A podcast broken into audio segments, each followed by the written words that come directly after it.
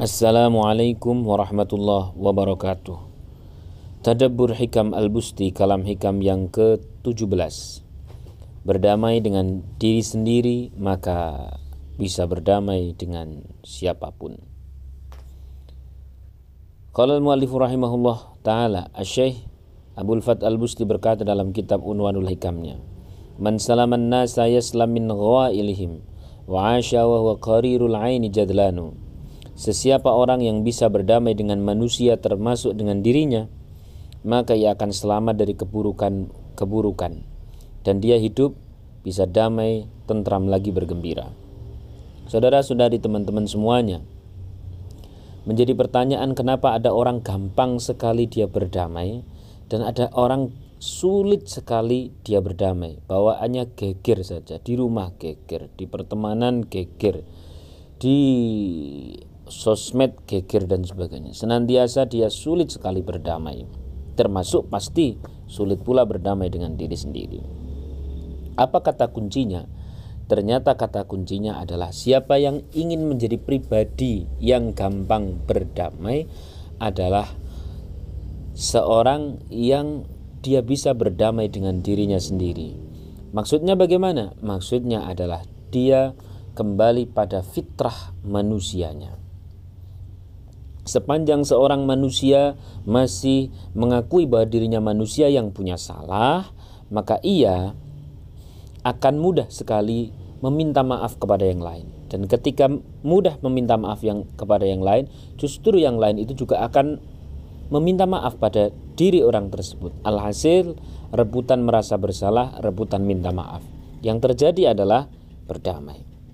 Yang nomor dua dengan demikian Orang tersebut terhadap kesalahan orang lain dia akan gampang memaklumi. Kenapa? Karena dirinya mengaku manusia, yang lain pun manusia. Karena dirinya mengaku manusia yang punya salah, maka bila yang lain manusia pun punya salah, dia akan gampang memaklumi. Di mana pun ia bertempat, dia akan mudah sekali berdamai, beradaptasi dengan siapa pun. Hal yang simpel dicontohkan oleh Rasulullah SAW kita tahu bahwa Rasulullah SAW itu bashar, manusia, tapi lakal bashari. Tidak sebagaimana manusia biasa, bal huwa kal yakuti bainal ahjari. Ibarat beliau ini batu mutiara di tengah-tengah batu-batu biasa. Itu saja Nabi Muhammad SAW yang jelas-jelas maksum tidak punya dosa, itu saja sering merasa dirinya bersalah. Baik kepada Allah dengan bukti Beliau membaca istighfar tidak kurang dari 70 bahkan 100 kali. Padahal beliau tidak punya dosa. Ini ngajari agar kita pun tidak sungkan-sungkan untuk merasa punya dosa, merasa banyak dosa di hadapan Allah. Kemudian kepada sesama manusia, Rasulullah SAW pernah memberikan satu teladan untuk kita. Kisah ini barangkali sangat bermanfaat untuk kita yang sudah berkeluarga atau yang punya keinginan berkeluarga. Ya. Kala itu Rasulullah SAW pulang telat. Ketika pulang telat, ketuk-ketuk pintu, kemudian sang istri tidak membukakan, ketuk lagi tidak membukakan, lalu kemudian beliau tidur di luar. Pada saat beliau tidur di luar, apa yang terjadi? Di waktu dini hari, sang istri bangun, begitu terbangun, langsung meminta maaf kepada sang suami. Ya Rasulullah, engkau sampai tidur di luar seperti itu. Saya pasti sudah diketuk pintu-pintu. Saya pasti sudah dibangunkan tapi saya terlalu lelap. Saya salah ya Rasulullah, minta maaf. Coba apa kata Rasulullah? Justru Rasulullah menjawab, "Enggak. Yang salah itu saya, saya yang minta maaf."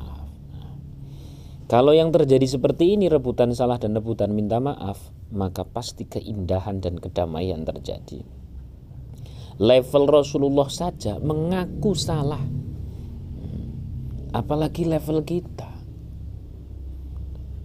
Ego yang macam apa diri kita ini pada saat geger sama teman nggak mau ngaku salah. Bawaannya yang salah itu bagian sana yang kini benar.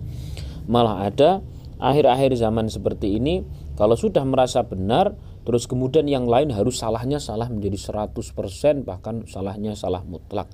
Kalau sudah kadung nyalah-nyalahkan orang lain di Fir'aun Fir'aun kan, di Abu Jahal Abu Jahal kan, di Jahiliyah Jahiliyah kan. Tentu saja ini tidak proporsional. Kayak lupa bahwa dirinya ini manusia. Nah, Idealnya bagaimana? Yuk kita mulai dari dalam diri kita sendiri. Ngakulah bahwa diri kita manusia yang punya salah dan punya dosa sehingga jadilah pribadi yang ketika terlanjur melakukan salah segera minta maaf. Tidak usah gengsi. Pada saat itu terjadi misalkan kita sebagai seorang suami sedikit kita punya salah langsung minta maaf kepada istri yang terjadi istri ini malah juga akan meminta maaf dan yang terjadi adalah kedamaian.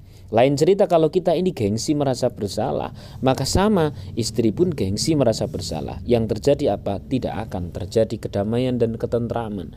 Jadi pilihan ada di tangan kita kalau kita ingin tentram, ingin damai dengan siapa pun di keluarga, di tetangga, di mana saja dan sebagainya. Ngakulah sebagai manusia yang juga punya salah dan orang lain ketika bersalah, akuilah bahwa orang lain juga manusia yang juga persis seperti kita sama-sama punya salah ketulusan meminta maaf dan ketulusan mengakui bersalah inilah yang nanti akan menentukan kedamaian dan ketentraman.